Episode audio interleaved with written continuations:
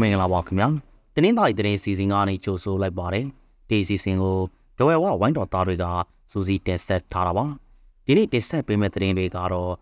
နိုင်ငံတော်တိုင်မေခံပုဂ္ဂိုလ်ဒေါ်ဆန်းစုကြည်နဲ့သမရဦးဝင်းမီကိုစက်ကောင်စီကပြစ်ဒဏ်ရှော့ပေါ်လိုက်တဲ့ကြောင်းတင်းတိုင်းနဲ့ကြောင်စုံမျိုးနဲ့မှာတရက်တွင်ဒေသခံသူဖမ်းခံရတဲ့အကြောင်းနောက်လို့မှာလူလိုက်ပိုင်းအချွေအမျိုးသားတအူပြစ်သက်ခံရတဲ့အကြောင်းကောသောင်းကနေထိုက်ကို တရားမဝင်ပို့တဲ့လောဝပြတွေဖမ်းမိတဲ့အခြေအနေပါဝင်မလေးရှားသွားမဲ့မြန်မာ30ကျော်ထိုက်တောင်ပိုင်းမှာဖမ်းခံရတဲ့အကြောင်းစားတဲ့သတင်းတွေကိုနားဆင်ရမှာပါစစ်ကောင်စီကဖမ်းဆီးချင်းချထားတဲ့နိုင်ငံတော်တိုင်ပင်ခံပုဂ္ဂိုလ်ဒေါ်ဆန်းစုကြည်နဲ့သမရအိုဝင်းမြင့်ကိုပြည်ထောင်ရှော့ပေါ်ပေးလိုက်တယ်လို့စစ်ကောင်စီကဒီနေ့ထုတ်ပြန်ပါတယ်။ဒေါ်ဆန်းစုကြည်ကိုအမှုပေါင်း19မှုနဲ့ထောင်ဒဏ်33နှစ်ချမှတ်ထားတာပါ။ အဲ့ဒီအမှုတွေထက်က2021ခုနှစ်ကဆွဲဆိုခဲ့တဲ့အမှု၅ခုရဲ့ပြည်ထောင်တွေကိုရှော့ပေါ့ပေးလိုက်တာပါ။သဘောဘေးအန္တရာယ်စီမံခန့်ခွဲမှုဥပဒေနဲ့ဆွဲဆိုခဲ့တဲ့အမှုပုံမှန်905ဆက်သွယ်ရေးဥပဒေပုဂ္ဂိုလ်သွင်းကိုဥပဒေနဲ့ဆွဲဆိုထားတဲ့အမှုတွေဖြစ်ပါတယ်။အမှုရှင်းမှုနဲ့ထောင်ဒဏ်10နှစ်ချမှတ်ခံထားရတဲ့သမရဦးဝင်းမြေကိုတော့အမှုနှစ်ခုအတွက်ချမှတ်ထားတဲ့ပြည်ထောင်ကိုရှော့ပေါ့ပေးလိုက်တယ်လို့ဆိုပါတယ်။စစ်ကောင်စီသတင်းထုတ်ပြန်ရေးဖွဲ့ခေါင်းဆောင်ရဲ့ ပြည်တွင်းမီဒီယာချုပ်ကိုပြောဆိုချက်တွေအရဒေါ်ဆန်းစုကြည်ကို6နှစ်ဦးဝင်းမြင့်ကို၄နှစ်ပြည်ထန်ရှော့ပေါ့လိုက်တာလို့ဆိုပါတယ်။နိုင်ငံတော်ရှိအကျဉ်းထောင်ချုပ်ထောင်စခန်းတည်တည်ရှိအကျဉ်းသားအကျဉ်းသူ8000နီးပါးကိုပြည်ထလွန်ကြီးခွင့်ပြုလိုက်ပြီးတေတံ6ခံရသူတွေကိုလည်းပြည်ထန်ရှော့ပေါ့လိုက်တယ်လို့စစ်ကောင်စီကထုတ်ပြန်ထားပါတယ်။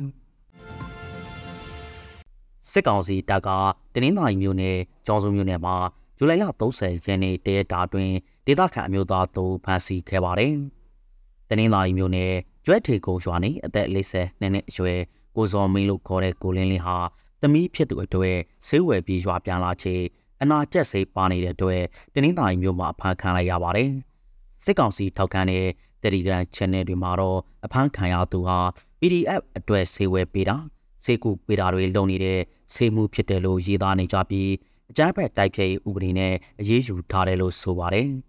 ဒါအပြင်စီချေပိုးကျေးရွာအုပ်စုလက်တောင်ရွာနေ73စီနဲ့ကွာရရှောင်းတဲ့အသက်66နှစ်အရွယ်အမျိုးသားတဦးလည်းဖမ်းခံခဲ့ရပါတယ်။ကျော်စုမျိုးနဲ့မိုင်းသွေးရွာမှာလည်းဥယျာဉ်စိတိုးဆွဲထားတဲ့အရသာတဦးဖမ်းဆီးခံရတယ်လို့ဆိုပါတယ်။စစ်ကောင်စီဝါဒဖြန့် Telegram Channel တွေကတော့အဖမ်းခံရသူတွေဟာ PDF နဲ့ပတ်သက်တယ်လို့ဖော်ပြကြပေမဲ့ဒေသခံတွေကတော့တာမန်အရသားတွေပဲဖြစ်တယ်လို့အခိုင်အမာပြောဆိုကြပါတယ်။ လောင်လုံးမျိုးနဲ့တောင်မီးပြောင်ရွာမှာအသက်30ကျော်အရွယ်ရှိကိုပိုင်ဆိုတဲ့အမျိုးသားတအူပြစ်ဒဏ်ခံလိုက်ရပါတယ်။ဇူလိုင်လ30ရက်နေ့မွန်လွယ်ပိုင်းမှာလက်နက်ကင်လူတစုကကိုပိုင်ရဲ့နေအိမ်နာမှာပဲလာရောက်ပြစ်ဒဏ်သွားတာလို့ဆိုပါတယ်။ကိုပိုင်ဟာအရင်ကမိုးရစေဝါအမုန်းနဲ့ထောင်နှစ်ရှိကြားခဲ့ဖူးပြီးတနေ့ကြာပြီးနောက်မှာတော့လွန်ကြီးနဲ့ပြန်လောလာပြီးစိုက်ကယ်ပြင်းတဲ့အလုံးနဲ့အသက်မွေးနေတယ်လို့ဆိုပါတယ်။သူကို ဘသူတွေကဘယ်လိုအကြောင်းအရေးကြောင့်ပစ်တက်သွားတယ်ဆိုတာကိုတော့မသိရသေးပါဘူး။ဇူလိုင်လ22ရက်နေ့ကတောင်မင်းပြောင်ရွာကိုစစ်ကောင်စီတပ်စစ်ကြောင်းဝင်လာပြီးနေသုံးဆောင်ပြီးရှုပ်ခဲ့ပါတယ်။ဒါပြင်ဒေသခံထောင်ချီလည်းဘေးလော်ရာထွက်ပြီးတေရှောင်ခဲ့ရပါတယ်။ကော်လောင်းမျိုးကတစိထိုင်နိုင်ငံရှနောင်းကိုတရားမဝင်တင်ပို့လာတဲ့ရောဘာပြားကီလို2000လောက်ကိုထိုင်းနယ်ခြားဆောင်တပ်ကဖမ်းဆီးခဲ့ပါတယ်။ ဇူလိုင်လ30ရက်နေ့မနက်7:00နာရီခွဲလောက်ကကွာပေါင်းနေစာကတစင်လေနဲ့တလာတဲ့ရောဘာပြားတွေကိုဖမ်းမိခဲ့တာပါ။ထိုင်းအာနာပိုင်တွေတွားရောက်စစ်ဆေးချိန်မှာလူချအုပ်လောက်ကလေပေါ်ကရောဘာပြားတွေကိုပစ်ကတ်ကားပေါ်တင်ဆောင်နေကြတယ်လို့ဆိုပါတယ်။ဒါပေမဲ့လှေမောင်းသူနဲ့ရောဘာပြားသက်ဆောင်နေသူတွေထွက်ပြေးလွန်မြောက်သွားပြီးထိုင်းနိုင်ငံသားတအုပ်ကိုပဲဖမ်းမိခဲ့တယ်လို့ဆိုပါတယ်။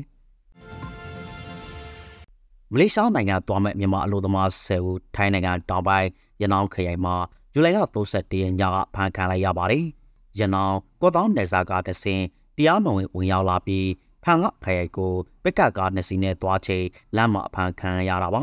။ကားနှစ်စီးပေါ်မှာမြန်မာအလုပ်သမား10ဦးနဲ့ထိုင်းနိုင်ငံသားကားသမား2ဦးကိုဖမ်းမိခဲ့တယ်လို့ဆိုပါတယ်။မြန်မာအလုပ်သမားတွေဟာမလေးရှားနိုင်ငံကိုသွားဖို့အတွက်တအူကိုပတ်တူတောင်းခွဲပေးရတယ်လို့ဆိုပါတယ်။အစီခံရတဲ့မြန်မာအလုပ်သမားတွေနဲ့ထိုင်းကားသမား2ဦးကို အရေးယူဖို့ရဲစခန်းကိုပို့ထားတယ်လို့ဆိုပါတယ်။ထိုင်းနိုင်ငံထဲတရားမဝင်ဝင်ရောက်မှုကြောင့်ပပြီးခဲ့တဲ့ဇူလိုင်လကမြန်မာလူသမား280ကျော်ဖမ်းဆီးခံရပြီးကားမတော်တဆမှုကြောင့်၄ဦးသေဆုံးခဲ့ပါတယ်။